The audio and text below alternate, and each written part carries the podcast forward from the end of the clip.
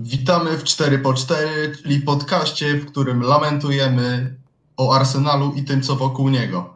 Ja nazywam się Łukasz Muszyński, a moimi gośćmi będą dzisiaj Adrian Kozioł, Witam serdecznie. Jakub Olborski Witam wszystkich. i Michał Kessler. Cześć, siema. No to jak zwykle na początek porozmawiamy sobie o spotkaniu z Manchesterem City. Nie spodziewaliśmy się wiele, ale chyba spodziewaliśmy się więcej niż tego, co zobaczyliśmy na tym przepięknym popołudniu na The Emirates. Jak wrażenia? No tak jak powiedziałeś, generalnie nie spodziewaliśmy się wiele, ale spodziewaliśmy się więcej. Tam nawet widziałem na niektórych grupach fanowskich, że jakieś tam przebąkiwania się pojawiały co jakiś czas o, o remisie może, o, o wygranej nawet czasami się pojawiało. To już w ogóle jest jakąś abstrakcją, patrząc na to, że graliśmy z mistrzem Anglii, który może i jest w najlepszej formie, ale jest niesamowicie jakościową, niesamowicie jakościową drużyną. No i przegraliśmy zasłużenie. E, Tylko problem jest, pojawia się tutaj, że ta porażka spakowałaby, byłaby dużo e, łatwiejsza do przyjęcia, gdyby tu faktycznie e, było pokazane ze strony Arsenalu cokolwiek. E, tak niestety się nie wydarzyło. Miałem czasami wrażenie, że zawodnikom, zawodnicy są na boisku za karę. W ogóle brak zaangażowania, brak jakiegokolwiek pomysłu na, e, na, na City, e, żadnych absolutnie żadnych rozwiązań taktycznych. No tutaj wiadomo, że do Frediego nie można mieć pretensji pod tym kątem, e, ale no, mam tu pretensje do zawodników, bo tu mimo wszystko powinno widać, no było widać jakieś zaangażowanie, jakąś chęć walki, nawiązania chociaż walki z tym City, co pokazywał już ten sezon, że to jest możliwe, że oni nie są już taką machiną, której nie da się ukąsić z żadnej strony, e, tym bardziej z chociażby Nikolasem Otamendim na obronie. E, Natomiast no, my tego nie potrafiliśmy jakkolwiek wykorzystać, nie potrafiliśmy nawet e, od, odgryzać się City. Chyba najgorsza nasza sytuacja miała miejsce właśnie w pierwszej minucie, kiedy to Martinelli przeprowadził tą indywidualną akcję. i Ederson wtedy obronił. No, chwilę później straciliśmy tą bramkę właśnie.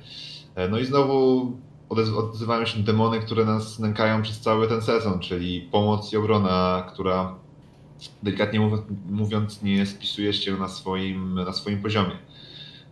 Przez długi okres czasu tak e, pokaliśmy, aby do pierwszej jedenastki skoczył, skoczyła ta dwójka właśnie Torreira Genduzi, a tu się okazuje, że pomoc chyba, no może nie powiem, że wygląda lepiej z granitem Czaką, gdzieś tu wpasowanym, ale wcale nie wygląda e, lepiej, kiedy tego granita Czaki e, w podstawowej jedenastce nie ma, bo Torreira i Genduzi w tym spotkaniu dali pokaz tego, e, jak nie powinni grać środkowi pomocnicy w formacji 4-2-3-1. No zwłaszcza Genduzi, no, ten mecz fatalny w jego wykonaniu. E, Przynajmniej dwa razy przy no, dwóch akcjach bramkowych City e, mógł zachować się lepiej i powinien się zachować lepiej. E, Zwłaszcza ta trzecia bramka to w sumie nie mam pojęcia dlaczego przepuścił Kevina De Bruyne tak od tak po prostu. Mm, Lucas Torreira, no, na nim się skupię może, e, bo niestety nie podoba mi się jego gra. Tutaj do pewnego momentu mogliśmy to usprawiedliwiać tym, że Unai Emery nie wystawiał go na swojej pozycji. Natomiast teraz gra na swojej pozycji i nic z tego nie wynika. Nic z tego nie wynika, bo Lukas y, biega po boisku no, jak bez głowy kurczak, powiedzmy sobie e, tak e, szczerze. E, Nie, wywiązuje się ze swoich e, obowiązków. Wygląda naprawdę słabo, jeśli chodzi o kontrolę piłki, o, o rozgrywanie e, jej. Mm, I faktycznie no, możemy zacząć mieć pierwsze wątpliwości, o ile nie trochę większe wątpliwości do tego, czy Lukas na pewno jest właściwym dla nas zawodnikiem. Em, Bo faktycznie nie pokazuje tego, co pokazywał przez no, 3 miesiące tam, w tamtym sezonie. E, Nie potrafi nawiązać do tej formy w żadnym stopniu, bo to nawet e, nie jest ułamek tego, co, czym nas zachwycał i czym wkupił się w łaski e, wielu fanów Arsenalu na wiele miesięcy, co, co, czego doświadczamy teraz, bo, bo nawet jakiekolwiek przebą- przebąkiwania o tym, że Torreira powinien zostać sprzedany są e, torpedowane z wielu stron czasami e, i właśnie uzasadniane tym, że Torreira to świetny zawodnik. Mm, Niestety nie jestem trochę odmiennego zdania na tę chwilę, zwłaszcza tutaj mnie jego nastawienie denerwuje.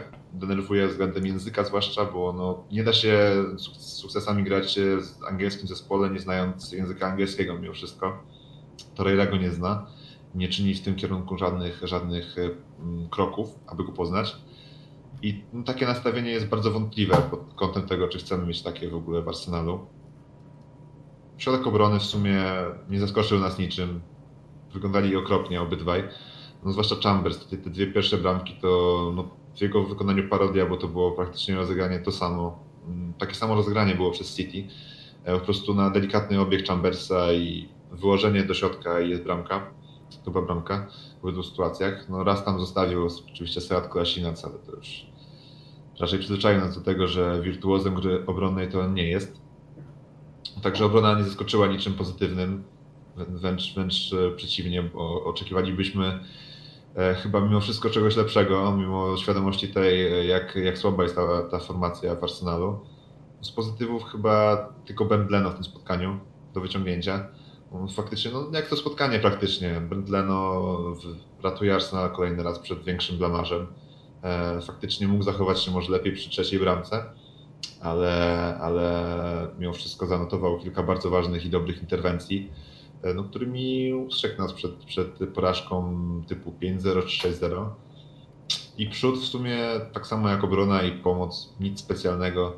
E, raczej wszyscy zawiedli. Mm, ewentualnie tam Gabi coś, cokolwiek próbował walczyć, biegać, ale z tego raczej nic nie wynikało, więc nie jest to nic, nic, od, nic odróżniającego go od chociażby Nikolasa Pepe no wiadomo, że zawiedli Aubameyang i Ezil, którzy no, praktycznie nie byli spotkani. Tyle w sumie. E, Arsenal przeszedł obok tego meczu i teraz e, trzeba sobie odpowiedzieć na pytanie właściwie dlaczego tak jest. Dlaczego tak jest, że nawet po zwolnieniu Unaja Emerego ten zespół nie chce walczyć e, i nie chce, nie chce grać.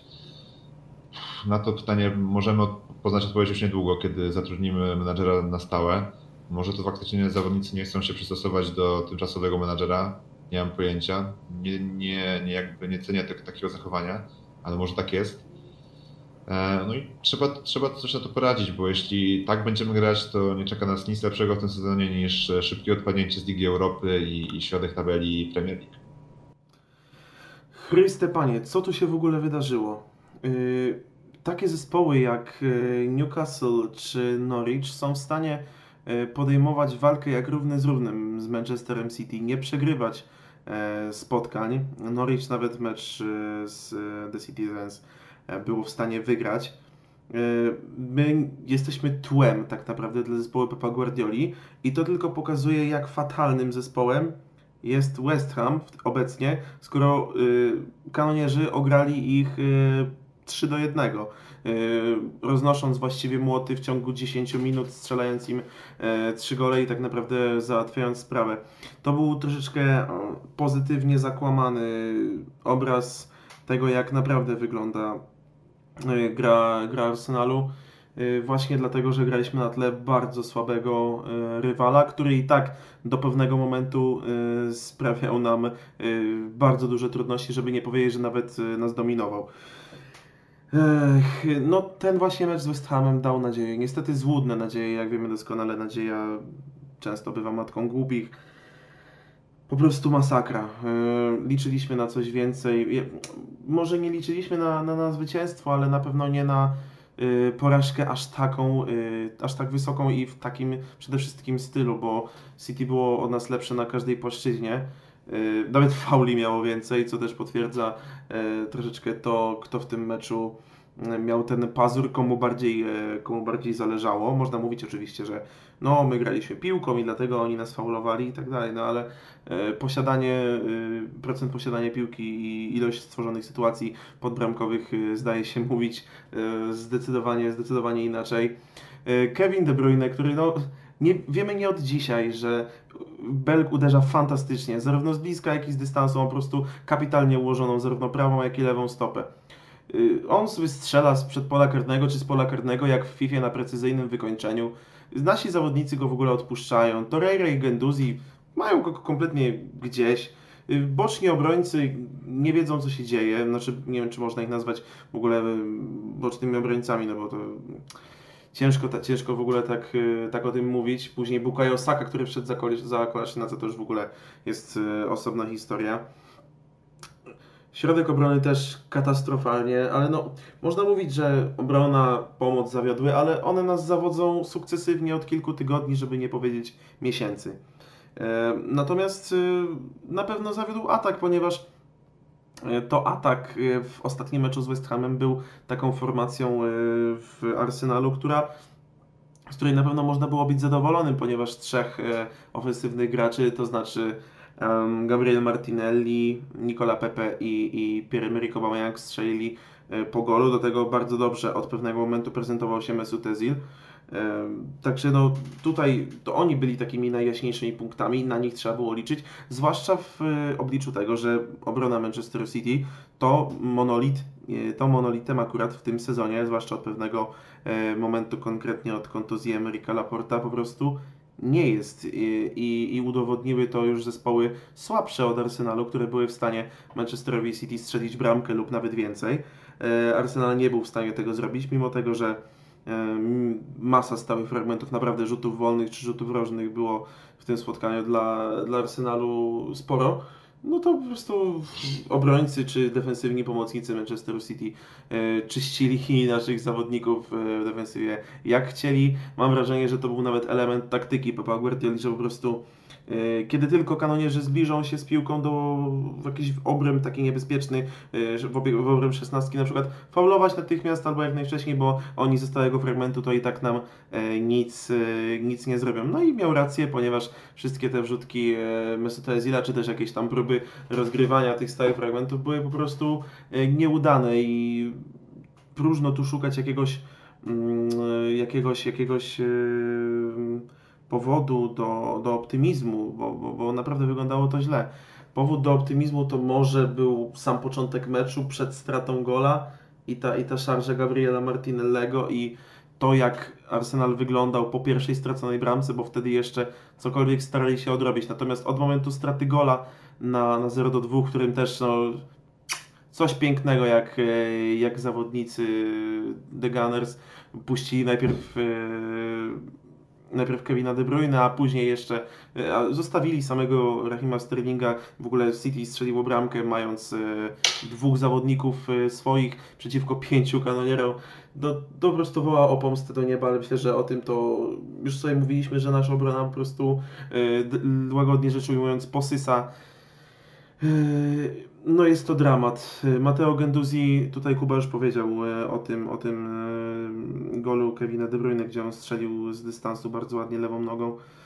No ale ten gol na 2 do 0, z jaką prędkością wracał wtedy e, za, za akcją, no to, był, to była, nie wiem, to była prędkość mojej babci, jak, jak depcze kapustę w beczce. No to po prostu coś coś tragicznego. Zresztą nie tylko on wracał z taką prędkością, bo Ainsley Maitland-Niles, który jest, y, był w tym meczu niby prawym obrońcą, wracał y, z równie, że tak powiem, w cudzysłowie, dużą prędkością, więc ech, no po prostu tragedia i, i ciężko szukać jakichkolwiek powodów do optymizmu, zwłaszcza jeśli spojrzy się na, na, na nasz terminarz, na nasz kalendarz i to, z kim przyjdzie nam się mierzyć w najbliższych dniach, tygodniach no bo możemy wylądować w okolicach strefy spadkowej i to już nie, nie są jakieś e, czarne takie e, sny, tylko po prostu realna wizja tego, co może się stać w ciągu najbliższych dni, tygodni. Nie będę się już tutaj ustosunkowywał do deptania kapusty przez babcię Adriana, ale odniosę się do innych jego słów odnośnie tego, że ten mecz w pewnym momencie mógł y, przybrać zupełnie inne oblicze dla nas, ponieważ uważam, że mieliśmy w tym spotkaniu na tyle dobry potencjał ofensywny, że faktycznie niekoniecznie musiałoby to tak wyglądać, gdyby nasza obrona zachowywała się po prostu w, nie, w tych sytuacjach lepiej. Y, Martinelli czy Pepe razem z Aubameyangiem, no to przy obrońcach Manchesteru City, którzy, tak jak mówiłeś Adrian, no ostatnio, no przecież nawet taka drużyna jak Norwich potrafiła tam zrobić jakiś ferment, no to ci z ta nasza ofensywa naprawdę miała potencjał i to mogło wyglądać naprawdę zupełnie inaczej. I była to też szansa dla Arsenalu, żeby w końcu zaprezentować się lepiej na y, tle takiej drużyny jak Manchester City, tak bardzo klasowej drużyny. Nie wiem, co tu jeszcze mogę dopowiedzieć. No, jest to żenada. Wy wszystko praktycznie powiedzieliście za mnie. Nie będę już tu męczył słuchaczy i przejdźmy po prostu do następnego tematu. Przechodzimy do następnego tematu, ale zostajemy w temacie meczu dalej z Manchesterem City i, i tego, co bezpośrednio po nim, ponieważ e, mianowicie chodzi tutaj o konferencję prasową Frediego Ljungberga, gdzie otwarcie skrytykował on zarząd, mówiąc, że podjęcie decyzji o następnym trenerze głównym, czyli tym head coachu, trwa zdecydowanie za długo i on sam nie dostał do dyspozycji żadnego sztabu szkoleniowego. Wystarczy wspomnieć o tym, że jedyną pomocą jest dla, dla Szweda w sumie Per Mertesacker, a rozgrzewkę poprowadził y, przed spotkaniem z Manchesterem City klubowy medyk, co jest y, dla takiego klubu no po prostu żenujące. Druga sprawa to słowa Frediego Ljungberga o duecie Lacazette i Aubameyang, która potencjalnie destabilizuje zespół, jeżeli chodzi o grę defensywną. I chciałbym, żebyście do tych słów się ustosunkowali. W sumie ciężko tutaj nie, nie przyznać Frediemu racji w obydwu tych kwestiach, bo z jednej strony możemy faktycznie usprawiedliwiać nieco zachowanie, znaczy zachowanie, e, ten cały proces wyboru następnego menadżera, który już e, trwa, no będzie już, no już wchodzimy w trzeci tydzień tego, tego procesu w Arsenalu. E, możemy to usprawiedliwiać tym, przynajmniej ja tak myślę, że to tak wyglądało po prostu, mm, że zwolniono Unai Emerego, bo wiedziano, że już jakby mm, no musi, musi ta decyzja zostać podjęta w tym danym momencie.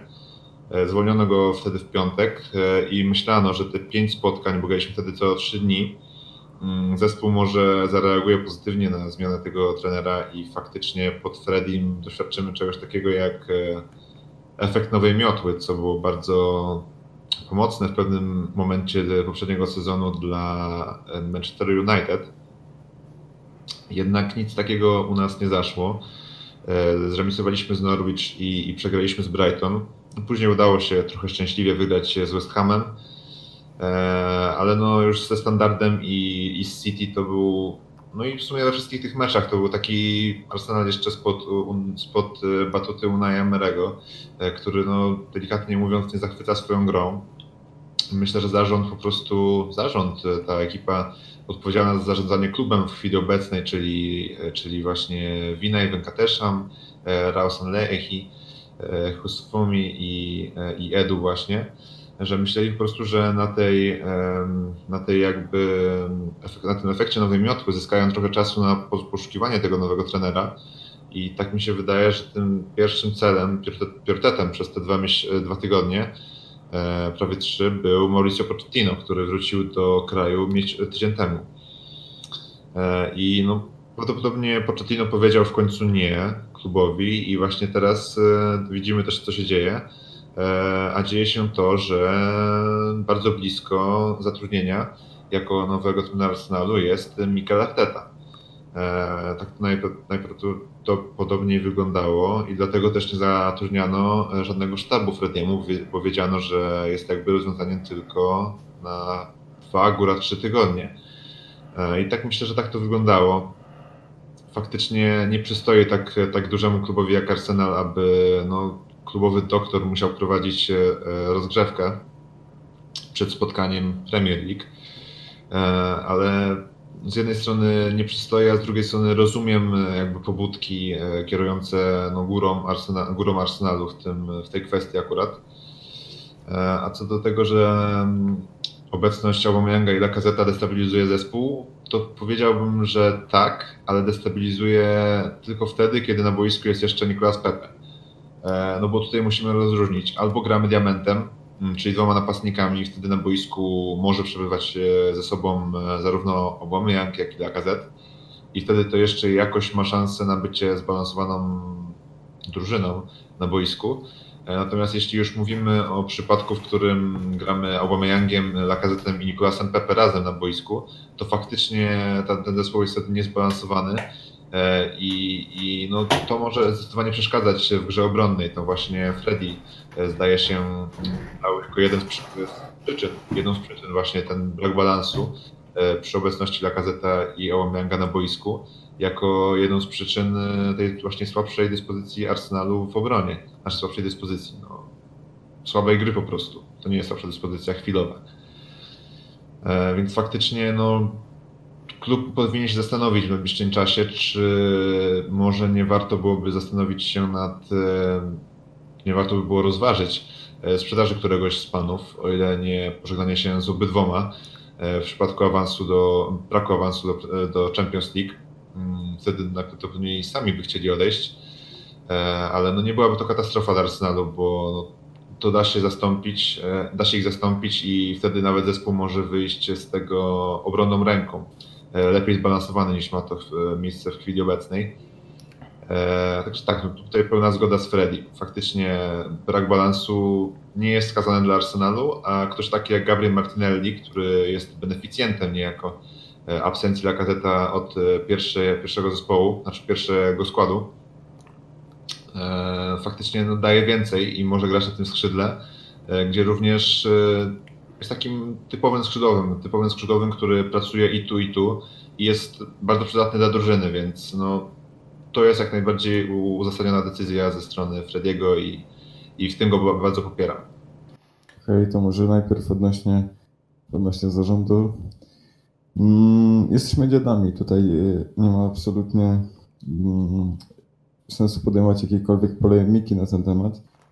Mm, myślę, że usprawiedliwione może być to jedynie tym, tak jak tutaj Kuba chyba wspomniał, że, że po prostu nie szukaliśmy, nie szukaliśmy tymczasowo jakby takich alternatyw, ponieważ na dłuższą metę planowaliśmy zastąpienie w krótkim czasie nowym menadżerem, wokół którego chcielibyśmy budować sobie sztab. W związku z tym no, taka decyzja zarządu byłaby zrozumiała, aczkolwiek nie danie szansy Frediemu w tej sytuacji, no to też jest y, zachowanie niefajne i nie powinno mieć ono miejsca. Odnośnie Aubameyanga i Lacazeta, tutaj w pełni zgadzam się z Kubą, ponieważ yy, no faktycznie nie możemy grać Aubameyangiem, Lacazetem i Pepe w jednym zespole, bo Aubameyang po prostu i Pepe są to zawodnicy, którzy w defensywie zbyt mało robią. Chociażby odrobina zaangażowania wtedy by pomogła, a to się nie dzieje po prostu i nie sądzę, żeby zaczęło się dziać, dlatego albo dwójka z tych panów gra razem, albo z jednym się żegnamy. Myślę, że takie opcje są jak najbardziej, jak najbardziej do wdrożenia. Zwłaszcza, że sprzedanie Aubameyanga w tej chwili to najlepszy interes dla nas, ponieważ jest w takim wieku, że jeszcze jakieś sensowne pieniądze możemy wyciągnąć, co myślę no, kleiłoby się też z naszą polityką i ewentualnym zastępstwem go na kogoś bardziej, bardziej perspektywistycznego. E, w tfu, co ja powiedziałem. Bardziej y, po prostu osobę, która może się rozwinąć w przyszłości. Ech, co do tego, jak wygląda sztab szkoleniowy, raczej jak nie wygląda, po prostu go nie ma. Dlaczego mnie to nie dziwi? Dlaczego mnie nie dziwi, że to akurat taka sytuacja spotyka nasz klub, że akurat to w Arsenalu dzieją się takie rzeczy? Hmm, chyba zaczynam powoli do tego, do tego przywykać, yy, dlatego zupełnie, zupełnie nie dziwi mnie to, że tak to że tak to wygląda. W zasadzie to nie wygląda. 13 lat temu podczas mundialu w e, Niemczech śmiano się, zresztą my sami śmialiśmy się z tego, jak wyglądała konferencja prasowa reprezentacji Polski po porażce z e, Ekwadorem, że jednym z tak zwanych rzeczników prasowych po tej porażce z Ekwadorem był e, kucharz naszej reprezentacji, bo piłkarze i trener po prostu nie przyszli sobie na te na tę konferencję prasową i tam musieli się za nich tłumaczyć um, ówcześni y, prezesi PZPN, czyli Antoni Piechniczek i Michał Listkiewicz. Y, no i właśnie ten wspomniany nieszczęsny kucharz, który miał, no nie wiem co on tam miał y, powiedzieć. I, I, to była sytuacja wyszydzana nie tylko w Polsce, ale i, ale i na świecie. Śmialiśmy się z tego, a po 13,5 roku mamy bardzo bliźniaczo podobną sytuację, że medyk prowadzi u nas rozgrzewkę, chociaż tak można troszkę z przymrużeniem oka też powiedzieć, że no, biorąc pod uwagę to, jak w ostatnich latach wyglądała podatność na kontuzję naszych zawodników, to może nawet lepiej, że lekarz prowadził tę rozgrzewkę, przynajmniej jest pewność, że nikt sobie krzywdy nie zrobi na niej, e, jak ostatnio chociażby Hector Beirin przed, e, przed spotkaniem z West Hamem. No wygląda to, wygląda to bardzo źle, to jest e, to już przestaje być komiczne i śmieszne, to po prostu staje się e, tragiczne, dramatyczne i uciążliwe dla fana, bo no jest to po prostu frustrujące i nie ma co e, z tym nawet dyskutować. Co do e, Pepe Obameyanga i Lacazeta, wydaje mi się, że troszeczkę szukamy kwadratowych jaj. W sensie Freddy też.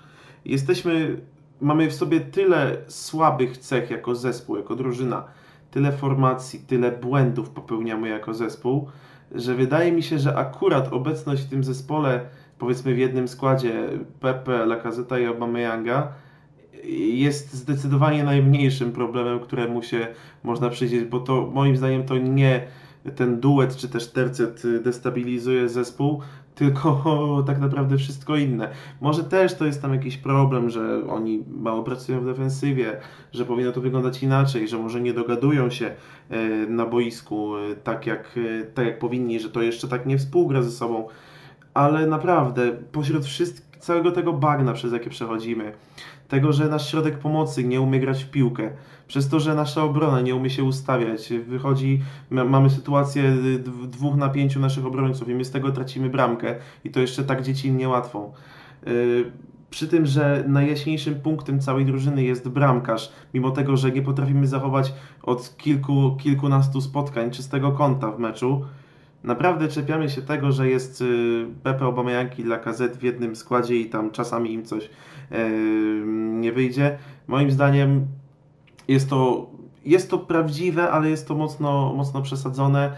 Szukamy problemów troszeczkę na siłę, zamiast skupić się na tych prawdziwych, a prawdziwe są takie, że po prostu no nie możemy nic na nie poradzić, no bo możemy sobie gadać o e, tym, bo jakby na, y, na, tej, na tej pozycji mamy jakieś pole manewru na, w, w ataku.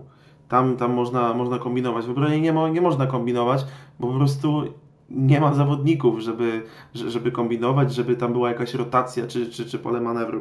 W pomocy zresztą niestety zaczyna to wyglądać y, podobnie, więc y, może to jest też coś takiego, że chcąc oderwać się od problemów, jakie mamy, y, a te są oczywiste w rozgrywaniu piłki i w obronie, troszeczkę na siłę czepiamy się tego, co jest, co jest w ataku.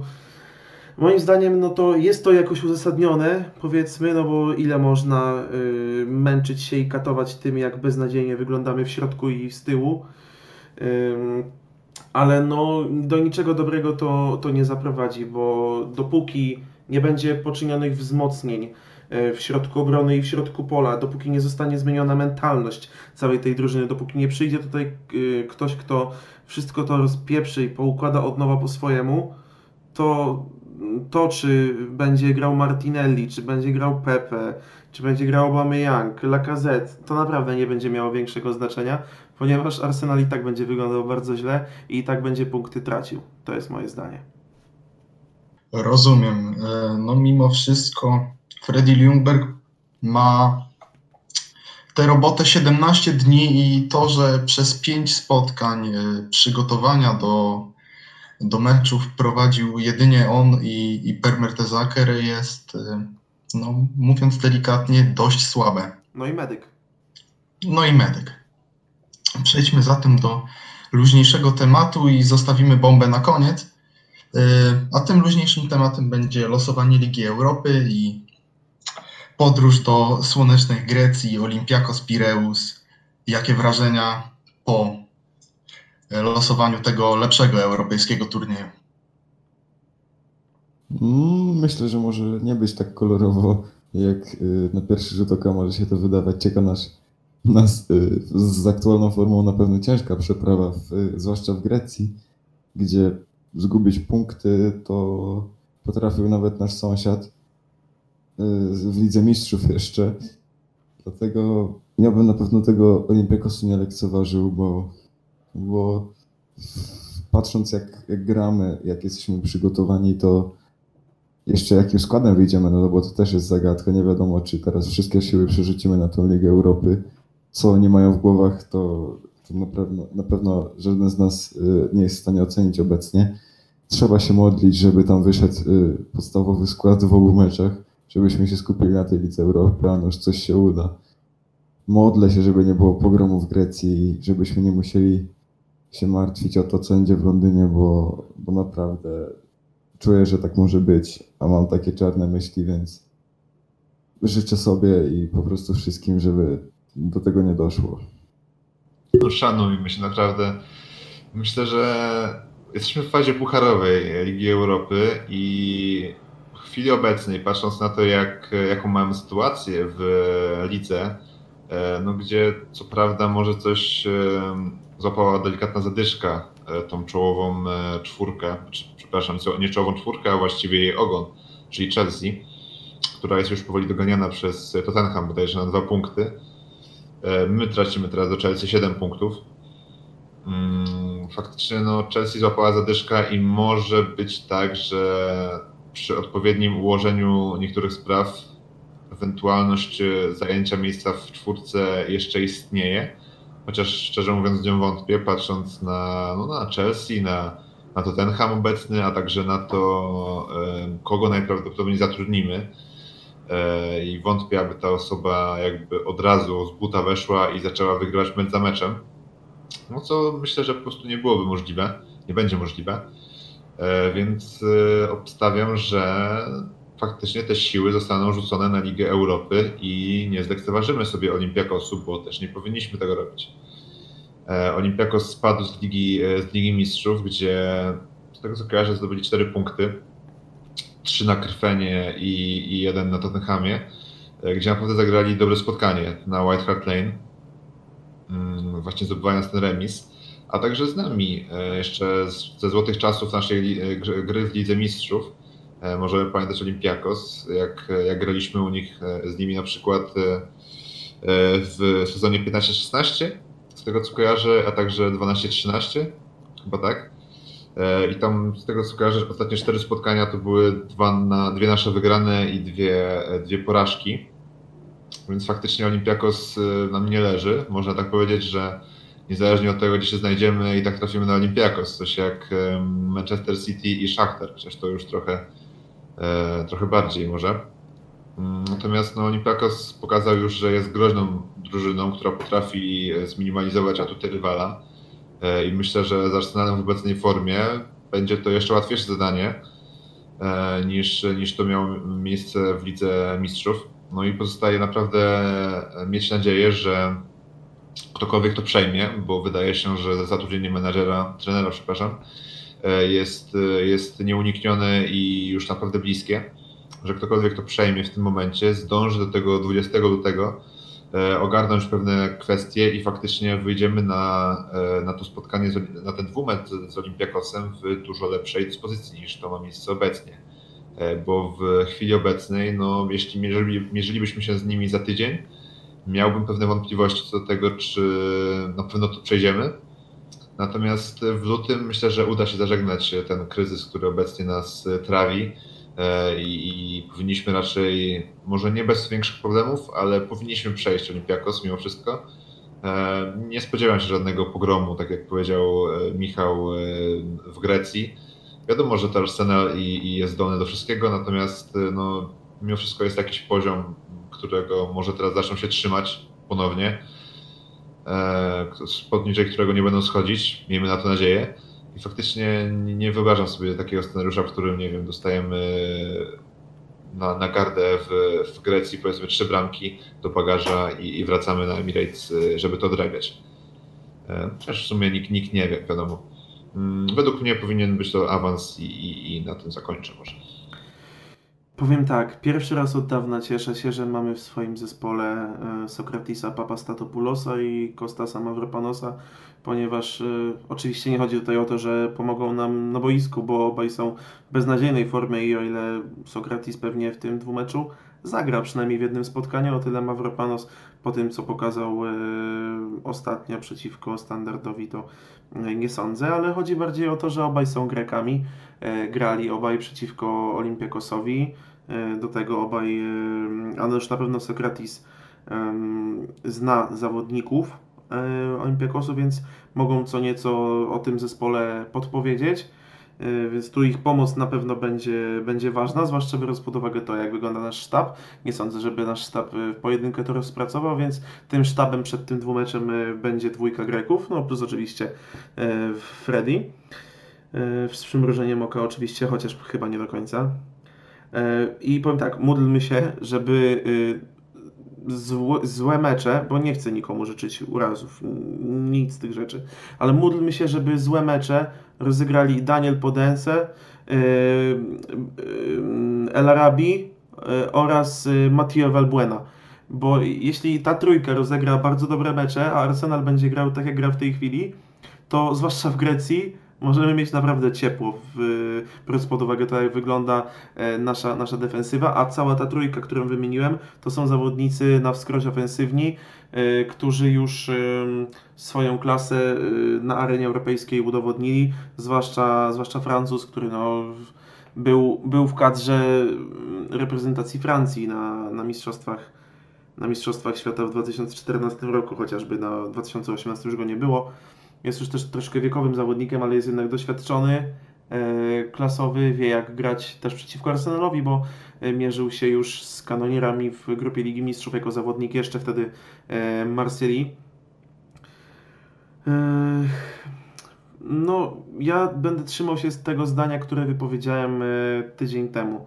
To znaczy, nieważne na kogo trafimy, trafiliśmy akurat teraz na, na Olympiakos. Jeśli zawodnicy Arsenalu będą grali na swoim poziomie optymalnym, wszyscy, to nie mam wątpliwości, że Arsenal awans w tym dwumeczu sobie wywalczy. I to nawet z dwoma zwycięstwami. Natomiast jeśli Arsenal będzie grał tak jak do tej pory, na co jest znacznie większe prawdopodobieństwo, chociaż tego też nie możemy przewidzieć, bo tu są jeszcze dwa miesiące, przez dwa, a jak dobrze wiemy, dwa miesiące w piłce nożnej to jest szmat czasu. Natomiast jeśli będzie to wyglądać tak, jak wygląda, no to jeśli Olympiakos z kolei będzie wyglądał tak, jak wyglądał w fazie grupowej Ligi Mistrzów i taki będzie też y, ich potencjał ofensywny, no to po prostu pożegnamy się z, z tą Ligą Europy i, i to raczej y, nie będzie to nic, y, nic niespodziewanego, patrząc na naszą aktualną formę. Liczę oczywiście, że będzie inaczej, ale też nie ma co sobie mydlić oczu, że my jesteśmy w tym momencie jakąś, jakąś wielką potęgą. Mamy aspiracje do tego, żeby takie zespoły jak e, Olympiakos olim, e, eliminować i to e, z przysłowiowym pocałowaniem ręki. Mm, no ale niestety to co na papierze, a to co na boisku, to są dwie różne rzeczy i myślę, że niejednokrotnie się o tym już przekonaliśmy. Mam nadzieję, że nie będzie tak w lutowym meczu przeciwko mistrzom Grecji, wicemistrzom, przepraszam. Ja jeszcze do tego trio ofensywnego bym dorzucił Kostasa Fortunisa, bo to bardzo dobry, niedoceniany zawodnik. No i aż chciałoby się zarzucić tym starym żartem, choć może nie do końca, że na tym etapie już nie ma słabych dróg.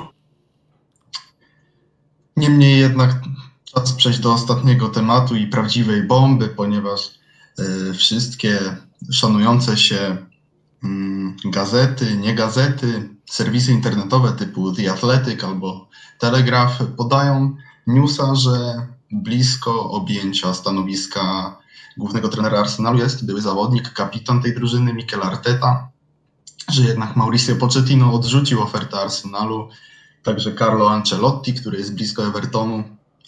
Także no, to jest prawdopodobnie pewniak. I jakie jest Wasze zdanie na ten temat? Yy, jeśli mam być szczery, to nigdy nie byłem jakimś wielkim zwolennikiem objęcia posady przez Michaela Arteta, ponieważ po prostu zawsze byłem za tym, żeby tę posadę wziął ktoś inny. Aczkolwiek w świetle tego, co ja ostatnio oglądam w tym klubie, w świetle tego, jaki faktycznie może mieć yy, Hiszpan potencjał, jak najbardziej skłaniam się ku temu, żeby dać mu szansę, dać mu odpowiednie yy, atrybuty, władzy i tak dalej do tego, aby mógł tworzyć, realizować swój projekt w tym klubie. Nie wiem, jak będzie chciał grać, nie wiem, co będzie chciał wdrożyć. Ale tutaj odnośnie właśnie objęcia posady trenera Arsenalu, dzisiaj przeczytałem taki, taką wypowiedź pewnego znanego angielskiego szkoleniowca, y, który jest bardzo duży i szeroki. Powiedział on, że mógłby naprawić defensywę Arsenalu nawet jutro, i zastanawiam się, czemu w ogóle w zarządzie nie rozważyliśmy tej opcji zatrudnienia go.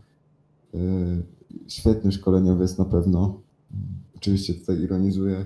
Nie chcę tu wyjść na jakiegoś radykała, ani ani nie chcę być jak wyborcy PiSu, że za wszelką cenę trzeba zatwardziale brać osobę, która, która po prostu będzie sobie tu siedziała na stołeczku, która jest sprawdzona i utrwalona w tradycjach angielskich. Absolutnie nie. Mowa oczywiście o samie Alardajsie, który tak się wypowiedział. Ja myślę, że to nie można tego brać na poważnie. Jest to raczej, raczej, raczej takie prześmiewcze. Aczkolwiek wracając do Artety, do meritum całej sprawy, chciałbym zobaczyć połączenie, y, taką mieszankę wybuchową, y, połączenie stylu gry Pepa Guardioli i Arsena Wengera, ponieważ Arteta miał okazję podglądać pracę obu tych szkoleniowców i myślę, że wizja takiego Arsenalu wengerowsko-guardiolowskiego w wykonaniu Artety mogłaby być po prostu genialna, zwłaszcza, że mówi się o tym, iż w sztabie asystentem, drugim trenerem Arsenalu ma zostać Xabi Alonso, co też jest ciekawą alternatywą, zwłaszcza w, o, jeśli chodzi o grę w naszym środku pola, to mogłoby wyglądać naprawdę, naprawdę interesująco. No i cóż, czekam na przyjście Mikela, zacieram rączki, mam nadzieję, że ten projekt naprawdę wypali, chociaż wiadomo, że nie od razu, no bo będzie potrzebował na realizację tego dużo czasu, ponieważ obecnie to jest jeden wielki burdel. Powiem tak, nie spodziewajmy się, że tutaj przyjdzie Mikel Arteta, wyjmie jak Harry Potter swoją czarodziejską różdżkę, machnieniowy wypowie zaklęcie i nagle gra Arsenalu odmieni się o 180 stopni, zaczniemy wszystko wygrywać, liczyć się w grze o mistrzostwo, Ligę Mistrzów, Puchar, wszystko. No nie, tak nie będzie. Yy, mi się wydaje, że yy, to też troszkę kontrowersyjna opinia, ponieważ yy, to, o czym miałem powiedzieć, troszeczkę mi tutaj Michał podebrał, czyli o tej mieszance wybuchowej, ja powiem troszkę inaczej, chociaż w podobnym tonie. Mam wrażenie, że z Mikelem Artetą może być, nie mówię, że będzie, ale może być troszeczkę tak, jak byłoby z Januszem Korwinem Mikke, gdyby objął władzę w Polsce. To znaczy, przez pierwszy rok, może nawet troszkę dłużej, byłby totalny burdel i nikt nie wiedziałby właściwie, co się dzieje, o co chodzi, ale po tym czasie zaczęlibyśmy się rozwijać najszybciej e, ze wszystkich klubów i przyznam szczerze, że taka wizja e, niewątpliwie bardzo mnie ciekawi. Chciałbym się tego o tym przekonać, zwłaszcza, że co w tym momencie mamy do stracenia jako jako fani kanonierów. No, nie wiem, czy możemy coś jeszcze stracić. No, możemy spaść z ligi, no ale no, nie spadniemy raczej z ligi, choćby tutaj na y, stanowisku y, na stanowisku trenera siedział, nie wiem, Jerzy Brzęczek. No. no. nie ma takiej możliwości, bo przy tym potencjale ludzkim po prostu z ligi spaść nie możemy. Y, a to, czy będziemy grać w Lidze Europy, czy nie będziemy grać w żadnym pucharze, to nie ma w sumie znaczenia, bo Chelsea swego czasu w Lidze Europy nawet nie grała i potem nagle z niczego w zasadzie wygrała Mistrzostwo Anglii po przyjściu Antonio Conte, co też na pewno y, pomogło to, że nie grali w Europie, dlatego że no, nie, musieli, y, nie musieli po prostu męczyć się na, na kilku frontach, mogli się, mogli się spełniać, że tak powiem, i skupiać tylko na tym, na tym najważniejszym zadaniu, z którego wywiązali się zresztą znakomicie. Oczywiście Mikel Arteta do spółki z Alonso to nie jest Antonio Conte, który już swoją wartość udowodnił y, nie tylko w, y, właśnie w Chelsea, ale i wcześniej w Juventusie. W tym momencie stara się udowodnić w Interze i o ile w lidze mu to jakoś wychodzi, o tyle w Lidze Mistrzów, no to wiemy jak sytuacja y, wygląda. Ano tak wygląda, że Inter zagra sobie z Udogorcem, ale w Lidze Europy.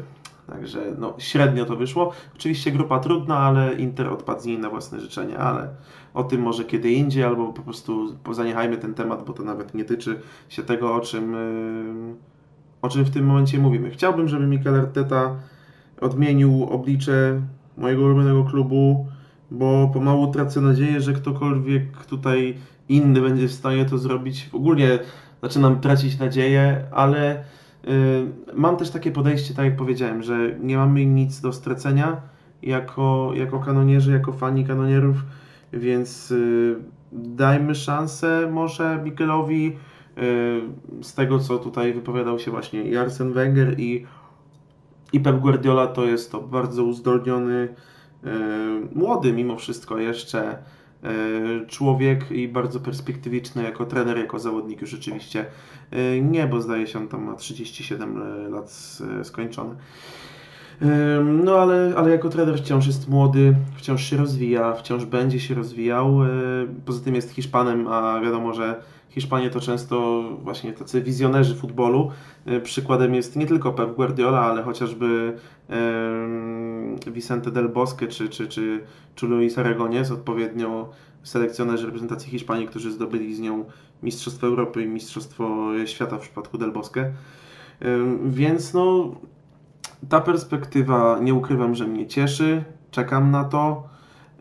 Oczywiście postępuję też zgodnie z zasadą ufaj i sprawdzaj, czyli no, zaufaj, zaufanie, ale trzeba też patrzeć na rączki, ale bez przesady, no bo mówię, trzeba tego czasu troszeczkę, no może nawet nie troszeczkę, Artecie, Artecie dać i mam nadzieję, że to będzie wszystko szło e, w dobrym kierunku i za powiedzmy rok czy dwa lata spotkamy się tutaj w tym samym e, miejscu, daj Boże, i będziemy mówić, e, jak to Mikel Arteta nie zmienił, zmienił właśnie oblicze naszego, naszego ukochanego klubu. Tego sobie i Wam na pewno życzę. W sumie od razu przyznam, że Arteta nie był moim faworytem do objęcia tej, tej posady dużo, dużo bardziej widziałbym w Arsenalu takich trenerów jak e, chociażby Massimiliano Allegri, e, no, który wydaje się, że nie jest dostępny w chwili obecnej. Nawet Carlo Ancelotti, prawdę mówiąc, kusił mnie bardziej, mm, ale to już może temat na, na inną rozmowę. E, natomiast sam Mikel Arteta, no dzisiaj faktycznie trzeba było to przetrawić, te wiadomości wszystkie, które zaczęły się pojawiać no już od wczesnego ranka, o tym, że, że Arteta to jest człowiek, który zastąpi Unai e, na, na tym stanowisku głównego tenera Arsenalu. I faktycznie, tak jak powiedzieli już e, Michał i Adrian, e, to może być ekscytująca mieszanka zdecydowanie warsztatów Pepa Guardioli, trochę też Dawida Moisa z czasów naprawdę dobrego, solidnego Evertonu, również, no, jak powiedziałem, Pepa Guardioli, a także Arsena Wengera E, gdzie już pod koniec e, urzędowania Wengera na Emirates e, Arteta podobno nawet prowadził samodzielnie niektóre sesje treningowe. Takie dostawał pozwolenie od Francuza. Ale też chciałbym zwrócić uwagę na to, jak wypowiadają się, w jakim tonie się oni wypowiadają zawodnicy, zawodnicy City bo tutaj właśnie Sane, Sterling, e, Jesus, oni wszyscy bardzo cenią sobie współpracę z Hiszpanem i, i widzą, ile dla nich zrobił, ile zrobił dla tego, e, jakimi obecnie są piłkarzami. E, widziałem taki artykuł na chyba The Athletic właśnie o tym, jaki, jaki wpływ na postawę Rahima Sterlinga miał właśnie, jaki na tą transformację Sterlinga w ostatnich latach, może w ostatnich trzech sezonach, kiedy stał się naprawdę no, zawodnikiem z absolutnego światowego topu, e, że to podobno właśnie Arteta miał największy wpływ na ten, na ten fakt, że, ta, że to mogło w ogóle zaistnieć. E, no i no, ciepło się robi na serduszku czytając takie wiadomości. Mm, faktycznie Mikel nie ma doświadczenia trenerskiego, jakiegokolwiek, bo był do tej pory tylko asystentem. E, natomiast myślę, że to też jest do, jeszcze do przekucia w, do przekucia w, w jego zaletę. E, nie wiem do końca jak miałby to zrobić, ale no to doświadczenie trenerskie albo jego brak nie musi koniecznie wyjść mu na, na szkodę.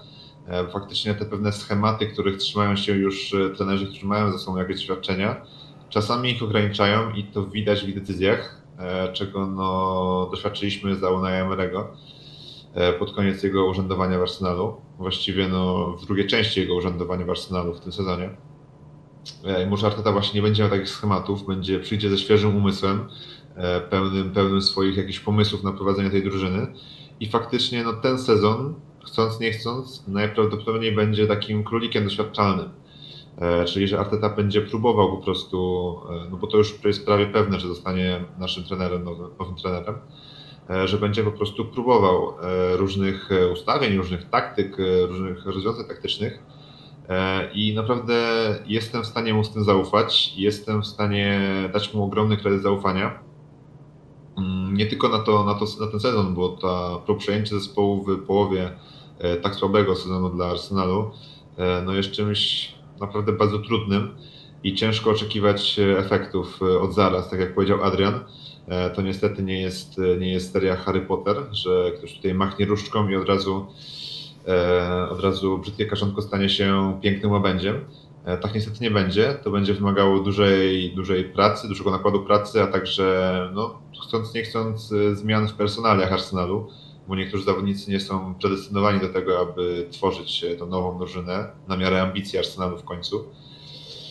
E, I no naprawdę musimy przede wszystkim skupić się na tym, aby przez ten sezon, ale także w ogóle zacząć e, wspierać ten zespół od, od nowa, już nie patrząc się na to, co, co było, co ten zarząd zrobił, czy nie, czy zrobił dobrze, czy zrobił niedobrze, e, jak sobie klub radził, jak zawodnicy się przykładają do tego, aby dać każdemu faktycznie nową kartę, nową czystą kartę, żeby dać Mikelowi maksymalne wsparcie i żeby faktycznie pokazać, E, że każdy jest za nim w tym klubie i że każdy trzyma za niego kciuki, bo tak myślę, takie myślę, że powinno być nastawienie każdego fana Arsenalu w chwili obecnej. E, wraca do nas nasz e, wieloletni kapitan mm, i każdy powinien go wesprzeć, żeby, żeby mu się udało, a nie lamentować, czy to wolałby jego, czy też kogoś innego na to stanowisko. Jeśli to się dokona, to się dokona i, i trzeba się z tym pogodzić. Ja na pewno będę bardzo trzymał kciuki za Artetę, bo jest w, nim, jest w nim coś, co może uczynić go wielkim trenerem. Mm, zresztą mówili o tym właśnie Wenger, mówił o tym Guardiola, ale także tutaj dodam może Mauricio Pochettino.